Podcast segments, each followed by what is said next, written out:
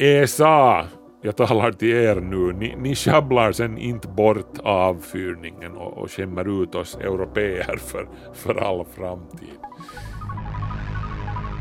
10, 9, 8, ignition sequence start. 5, 4, 3, 2, 1, 0. Quantum leap.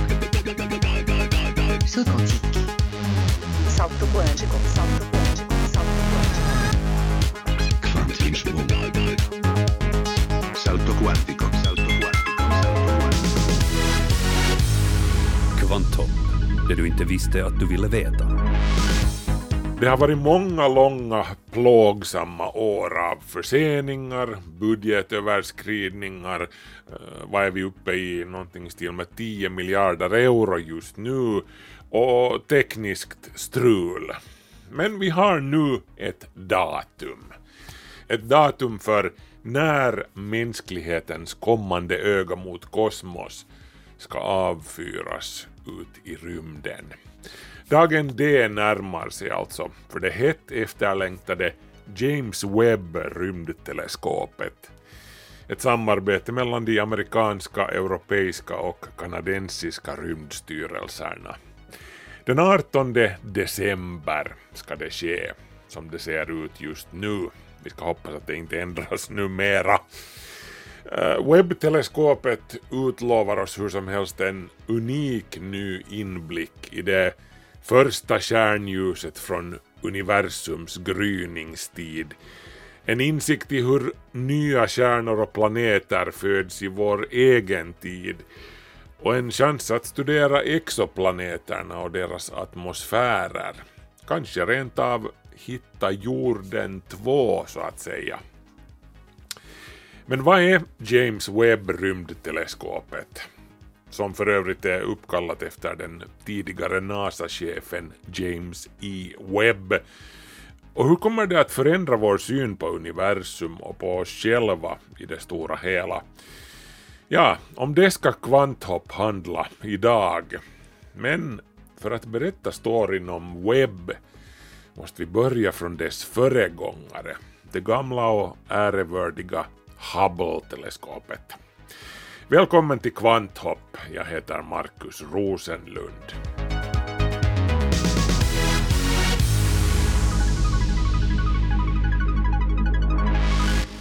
Start. We are go for main engine start, T minus six, five, four, three, two, one, and liftoff of the Space Shuttle Discovery with the Hubble Space Telescope, our window on the universe. Mer än 31 år har gått sedan den där dagen i april 1990 då rymdskytteln Discovery lyfte från Cape Canaveral i Florida med kanske den dyrbaraste last som någon raket någonsin har burit mot skyn, tills nu i år åtminstone. Lasten bestod då av rymdteleskopet Hubble, uppkallat efter den amerikanska astronomen Edwin Hubble. Det var han som 1924 upplyste världen om att vår galax Vintergatan bara är en droppe i ett oändligt hav av galaxer. Mer än 100 000 varv kring jorden senare kretsar Hubble-teleskopet fortfarande omkring där uppe, eh, 570 kilometer ovanför våra huvuden. Stor som en skinande blank buss ungefär, eh, med en vikt som motsvarar två afrikanska elefanter och med en kostnad på närmare 10 miljarder euro till dags dato, inklusive alla löpande kostnader. Men de flesta är ändå överens om att det har varit väl investerade pengar det här. Man kan lugnt säga att inget annat enskilt instrument i modern tid har revolutionerat vår förståelse av världsalltet på samma sätt som just Hubble-teleskopet. Inget annat vetenskapligt instrument har heller bidragit till så många doktorsavhandlingar och, och vetenskapliga artiklar. Och det fina med rymdteleskopet Hubble är alltså att man inte ens behöver vara intresserad av astronomi för att fatta grejen med det. Eh, varenda en av bilderna som har tagits med Hubble-teleskopet är ett konstverk och en källa till förundran. Någonting som alla kan ta till sig. This is one of the deepest optical images of the universe ever taken. Men när började då rymdteleskopernas historia? Så tidigt som 1946 lade den amerikanska astronomen Lyman Spitzer fram tanken på ett teleskop i rymden ovanför jordens atmosfär alltså. Ett sånt här teleskop skulle, menade Spitzer, kunna leverera bilder som astronomerna på de jordbundna observatorierna inte ens kunde drömma om, speciellt på den tiden. Markbaserade teleskop de störs ju av de turbulenta luftlagren som skiljer dem och stjärnhimlen åt. Det är alltså luftens rörelser som får stjärnorna att inom citat blinka. Blinka lilla stjärna det är ju fint i en vaggvisa men astronomerna de hatar sånt. Och så blev det att åren 1966 och 1968 sköts rymdteleskopen OAU1 och 2 upp i omloppsbana. Eh, OAU är alltså förkortning av Orbiting Astronomical Observatory. De här rymdteleskopen de observerade på den ultravioletta frekvensen samt på röntgen och gammaområdet och bidrog till många viktiga upptäckter på sin tid. Och de banade alltså vägen för Hubble-teleskopet som sen började planeras i slutet av 1970-talet. Men innan man ens kunde börja skissa upp ett stort och kraftfullt rymdteleskop som Hubble krävdes det att man hade någon sorts garanti för att det sen skulle komma att finnas en, en farkost som kan frakta ut det i rymden också. Rymdfärjan. They never before have sent a spacecraft into orbit that is going to come down as a plane, landing essentially as a glider, a powerless glider. Look at those huge engines getting ready to. Sagt och gjort, 1981 hade den första rymdfärjan Columbia sin jungfruflygning. Och nu kunde man inte bara frakta upp ett rymdteleskop som Hubble till sin utkikspost, man kunde dessutom flyga upp och reparera och uppgradera teleskopet vid behov. Utan rymdfärjorna skulle Hubble-teleskopet inte ha blivit ens nära på så långlivat. Och det här är alltså en viktig skillnad mellan Hubble och dess efterföljare, James Webb, som alltså nu börjar närma sig avfyrningsdags. Till skillnad från Hubble, som kretsar runt jorden på en höjd som motsvarar avståndet från Helsingfors till Uleåborg ungefär, kommer James Webb-teleskopet att ligga långt borta i rymden. En och en halv miljon kilometer ut alltså, i den så kallade Lagrange 2-punkten på bortre sidan av månens omloppsbana. Det här är nödvändigt för att Webb ska kunna observera så ostört som möjligt, skyddad från solens störande inverkan tack vare skuggan från jorden. Webb jobbar alltså på ett lite annat sätt än Hubble som vi ska se snart. Och ut till webbteleskopets avlägsna utpost. Dit kommer man inte att kunna åka så där bara om någonting går fel med teleskopet.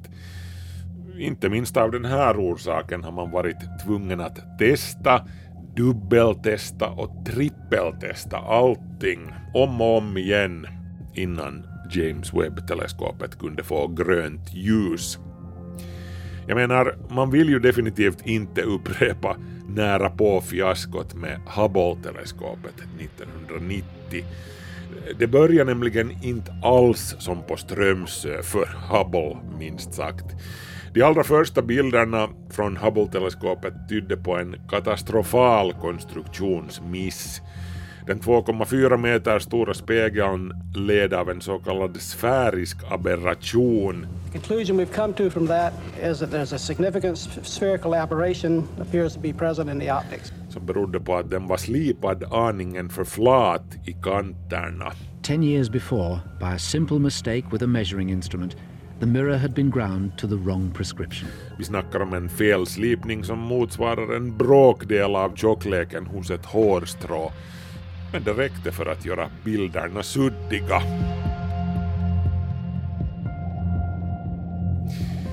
Och det dröjde till 1993 innan reparatörerna sen hoppade in i rymdfärjan och åkte upp och korrigerade felet.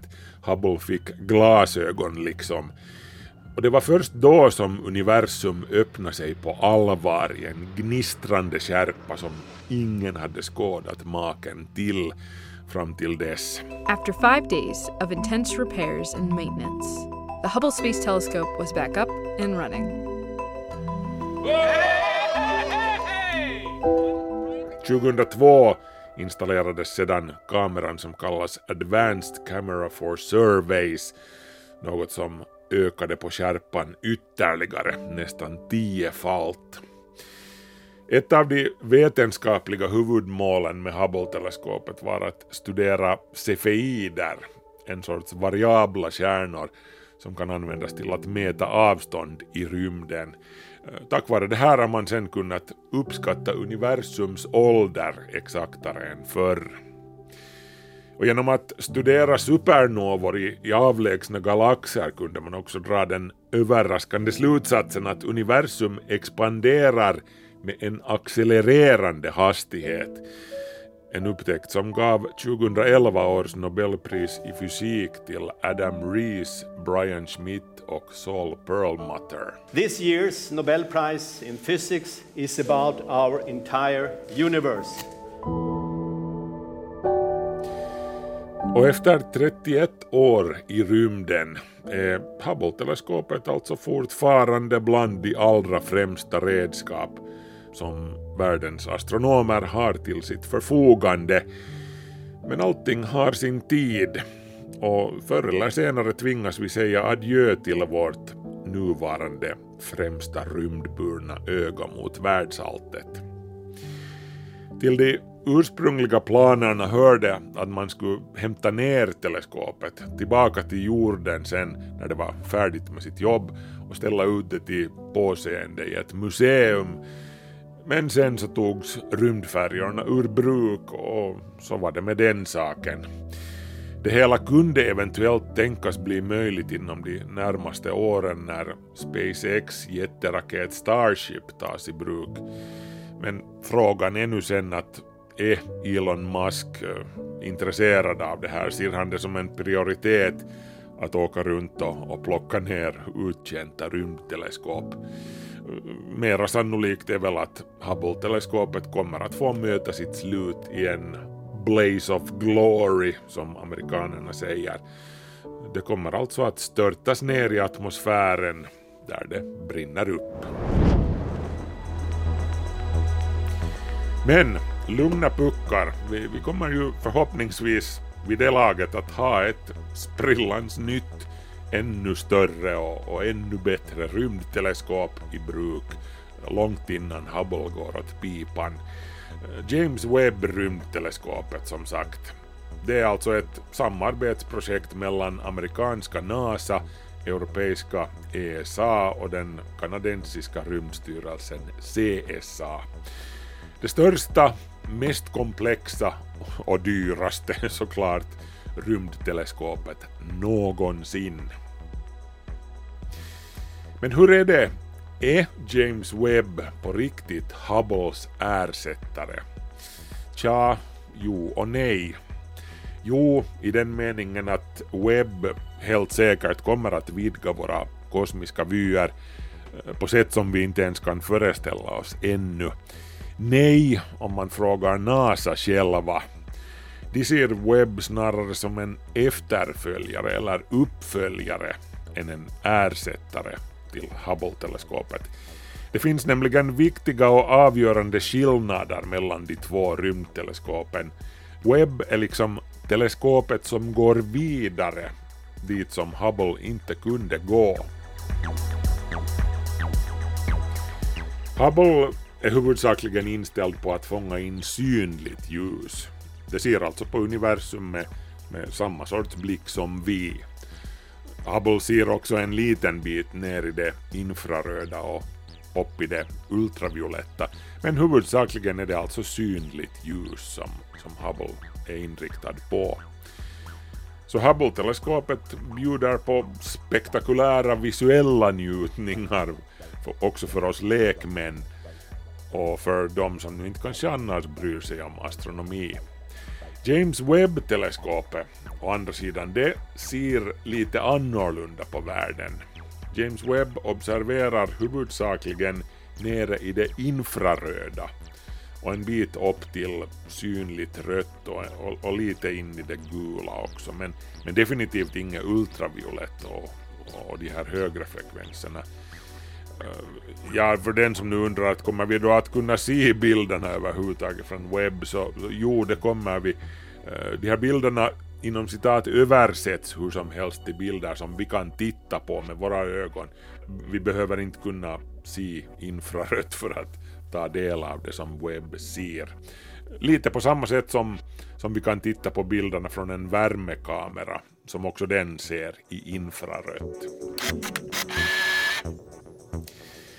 Och det finns en utmärkt orsak till att Hubbles efterträdare uttryckligen ser i infrarött.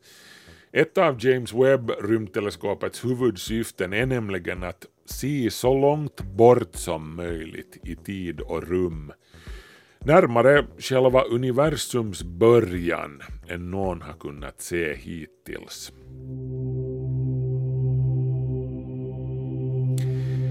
Att spana långt bort i rymden är nämligen detsamma som att spana långt bakåt i tiden.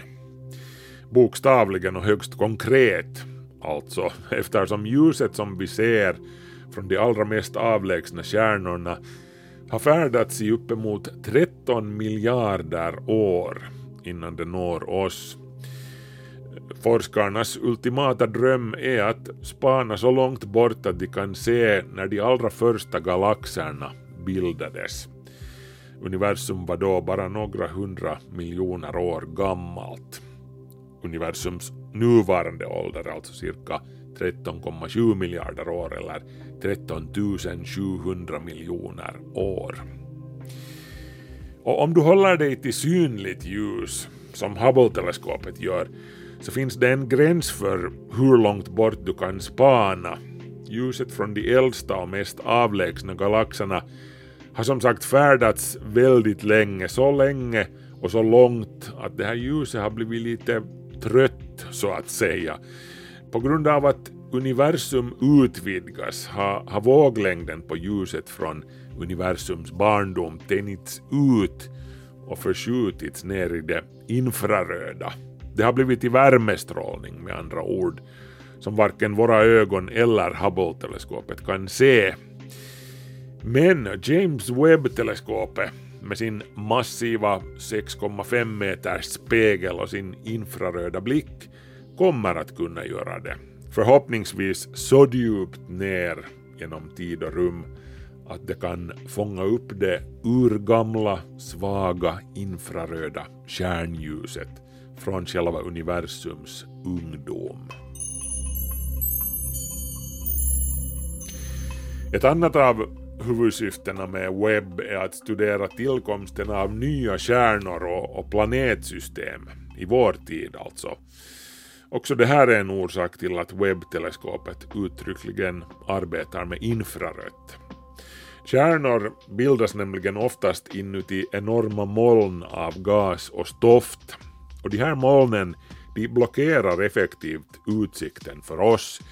Vi kan alltså inte se vad som händer där inne bakom molnridåerna åtminstone inte med Hubble-teleskopet som alltså huvudsakligen arbetar på den synliga delen av ljusspektrumet. Men Webb däremot, som vi redan har konstaterat, ser Webb med infrarött och och det kan tränga igenom de här kosmiska dimmorna. De unga stjärnorna och planeterna som är i färd att födas där bakom sina kosmiska dimbankar. De, de strålar ut en massa härligt infrarött ljus. Och den infraröda strålningen den passerar alltså obehindrat genom de här stoftmolnen. Så för webbteleskopet kommer det att se ut som att alla de där besvärliga molnen inte ens finns där överhuvudtaget. Vi kommer alltså att få en obehindrad inblick i hur det ser ut när nya världar blir till. Bokstavligen.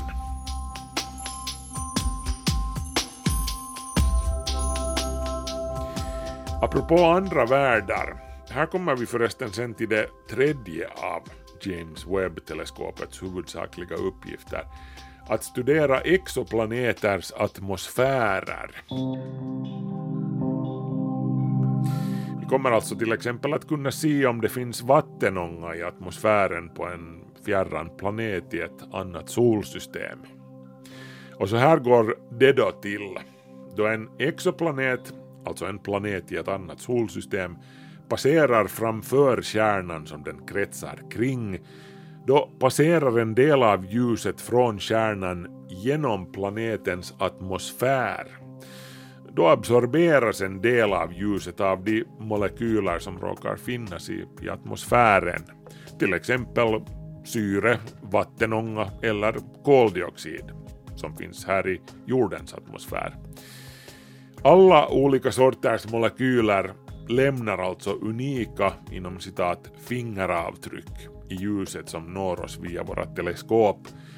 Och, och James Webb rymdteleskopet det har fyra kameror av vilka en del kan utföra just den här sortens spektrumanalys. Och hittar man alltså en inom citat grop i den delen av spektrumet som absorberas av, säg nu, vattenmolekyler Ja, no då vet vi att det finns vattenånga i planetens atmosfär där borta. Allra mest spännande är ju sen förstås det att vi hittar en grop i spektrumet på den bit där syre absorberas. För då vet vi att där finns syre. Och, och då ser ni, då är frågan vad eller vem är det som släpper ut syre i atmosfären där borta? No, nu ska vi inte gå händelserna i förväg. Det här är i alla fall de tre stora utmaningarna för webbteleskopet. Att spana efter ljuset från universums första stjärnor, från tidens gryning, det vill säga eh, att bevittna tillkomsten av nya världar bakom de kosmiska stoftmolnen och att studera exoplaneternas atmosfärer. Kanske rent av hitta jorden 2 det är med andra ord vad, vad James Webb-teleskopet ska ta sig an.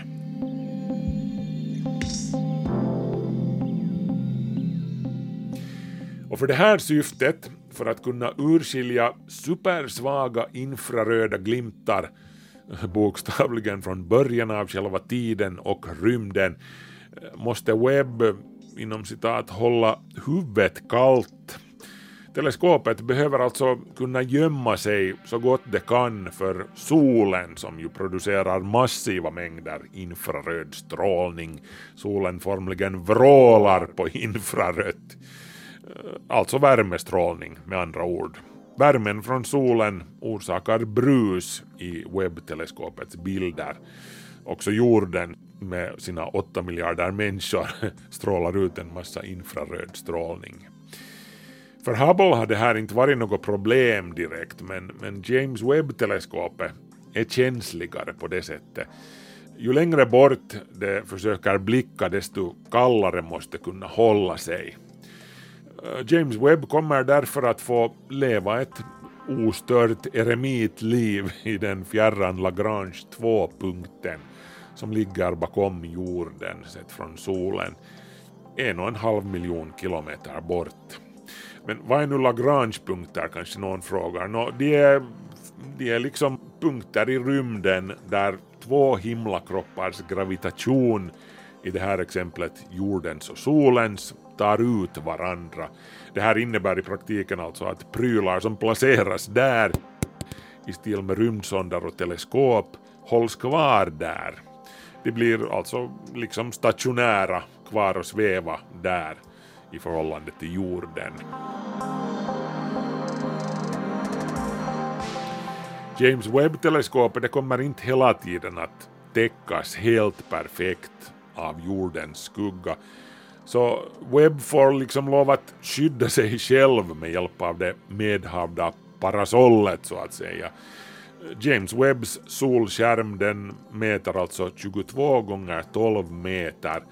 Med andra ord ungefär samma areal som hos en tennisplan. Och sen var det själva spegeln alltså, som också är av modell större, så att säga. James Webb-teleskopet har alltså en primär spegel med en diameter på cirka 6,5 meter.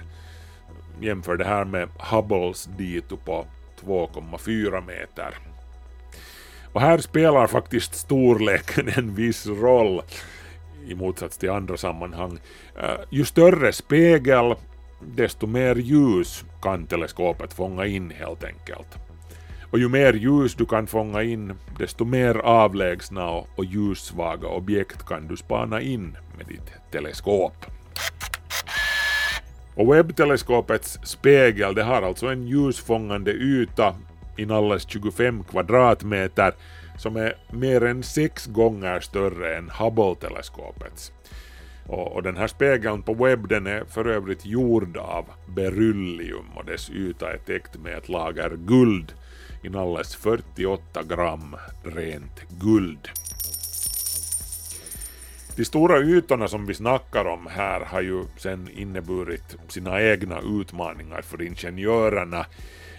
Du kan ju liksom helt enkelt inte klämma in en 6,5 meters spegel som sådan i, i noskonen på någon av de nuvarande raketerna eh, James Webb-teleskopet ska alltså fraktas ut i rymden ombord på en av ESAs Ariane 5-raketer från raketbasen i Kourou i franska Guyana. Därför, för att klämma in den stora spegeln och det ännu större solskyddet, har ingenjörerna på NASA varit tvungna att ta till lite extrem högteknologisk origami eh, Webbs huvudspegel är ett pussel av 18 stycken hexagonformade mindre speglar som för avfyrningen är hopfällda, liksom också solskyddet. När teleskopet väl har nått sin destination vecklas sen spegeln och solskyddet ut till sin slutgiltiga form. Och det här innebär ju ett ganska så stort spänningsmoment i sig jag menar en, en färd ut i rymden ombord på en raket innebär en stor mekanisk stress för vilken teknik som helst. Det skakar, det vibrerar och, och bullrar. Kommer allt att fungera sen när det är dags för Webb att sträcka ut sina vingar, så att säga. Det var just den här biten som orsakade en av de senaste stora förseningarna i webbteleskopets tidtabell 2018. Då testade man den här eh, mekanismen för att veckla ut solskärmen. Och den delikata väven, tunn som ett hårstrå, revs sönder. Och någonting sånt får alltså under inga som helst omständigheter hända sen när det är dags på allvar att veckla ut skärmen. För då, då är hela teleskopet kört helt enkelt. Utan solskärmen skulle teleskopet peppras av solens infraröda strålning och då skulle det inte bli några bilder av fjärran stjärnor helt enkelt. En viss mängd gråa hår hade de ansvariga på webbprojektet också fått av att Ariane 5-raketen inte har funkat helt problemfritt den senaste tiden. Den eh, fransktillverkade Ariane 5 är i princip en beprövad gammal trotjänare med 25 år och mer än 100 flygningar under bältet, varav bara två flygningar har misslyckats. Så det borde ju vara lugna puckar där, men 2020 inträffade sen en serie tekniska missöden med noskonen i samband med två avfyrningar. Även om flygningarna i sig inte misslyckades direkt satte man sen Ariane 5 på is medan problemet utreddes. Enligt ESA ska det hela vara fixat nu, men avfyrningen av James Webb-teleskopet är så otroligt viktig, så mycket hänger vid att allting, precis allting fungerar perfekt. Det finns exakt noll marginal för fel här. Inte minst med tanke på att James Webb-teleskopet i dags dato har kostat mer än 10 miljarder euro. Så det, det är inget litet ansvar som vilar på ESA och på Ariane 5s smäckra axlar där. 6, 5, 4, 3, 2, 1, top. Allumage Vulcain. Monsieur AP, décollage. Men, nåjo, eh, oddsen är ju ändå rätt så goda trots allt. Efter uppehållet på nästan ett år gjorde Ariane 5 sin första flygning nu i slutet av juli och åtminstone då gick allt som smort. Det som händer härnäst är en invecklad ballett med otaliga dansare, så att säga. Själva teleskopet kommer nu att göra den långa resan sjövägen från Kalifornien, där det byggdes av Northrop Grumman. Eh, Den här resan innebär bland annat en tur genom Panamakanalen. Så alla detaljerna om resans rutt och, och dylik strategisk information hålls hysch-hysch hemlig för man vill under inga omständigheter locka till sig någon uppmärksamhet från eventuella pirater som härjar längs vägen. Väl framme i franska Guyana kommer teleskopet sen att genomgå en sista serie av kontroller. Man vill försäkra sig om att inget oväntat hände under transporten. Teknikerna kommer också att försäkra sig om att teleskopet kan kommunicera direkt med systemen ombord på Ariane. Slutligen ska teleskopet sen förses med bränsle, vilket också det alltid är en känslig process. Och, och när det är gjort återstår att lyfta upp den dyrbara frakten som det mest utsökta och spröda Fabergé-ägget någonsin till toppen av Ariane-raketen. Ut till startplattan rullar hela ekipaget sedan den 16 december för en sista generalrepetition av startprotokollerna. Och därefter följer själva rymdresan ut till den slutgiltiga destinationen i Lagrange 2-punkten.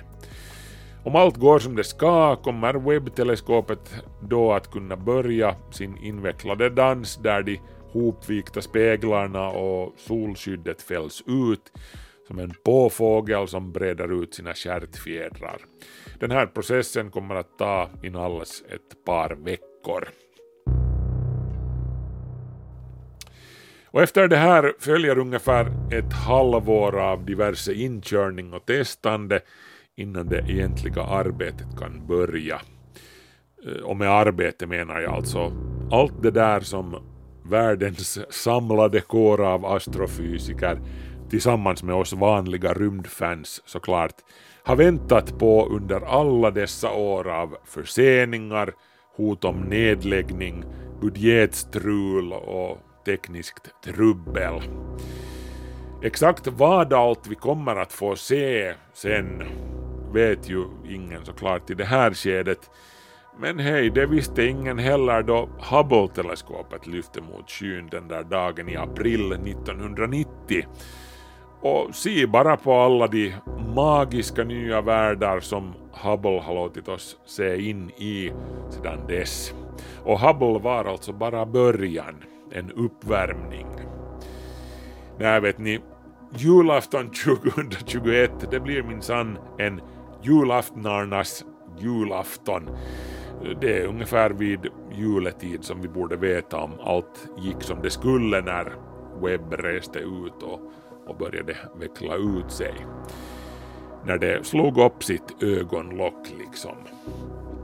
Eller är olyckan framme och någonting går så katastrofalt snett att alla dessa år av väntande har varit förgäves. ESA, jag talar till er nu, ni, ni sjabblar sen inte bort avfyrningen och, och skämmer ut oss europeer för, för all framtid. Det, det är så spännande det här att, att jag, jag förgås på riktigt. Hålls kvar på frekvensen, så att säga. Vi får lov att återkomma sen när vi vet mera.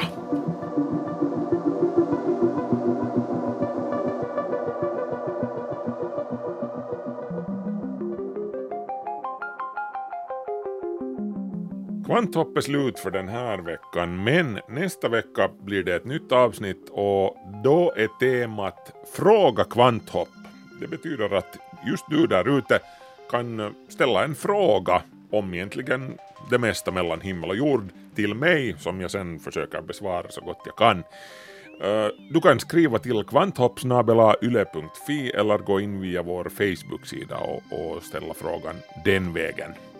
Det blir alltså nästa vecka ett nytt avsnitt då igen som vanligt på Yle Arenan på lördag. Markus Rosenlund så heter jag. Ha det bra, vi hörs. Hej så länge!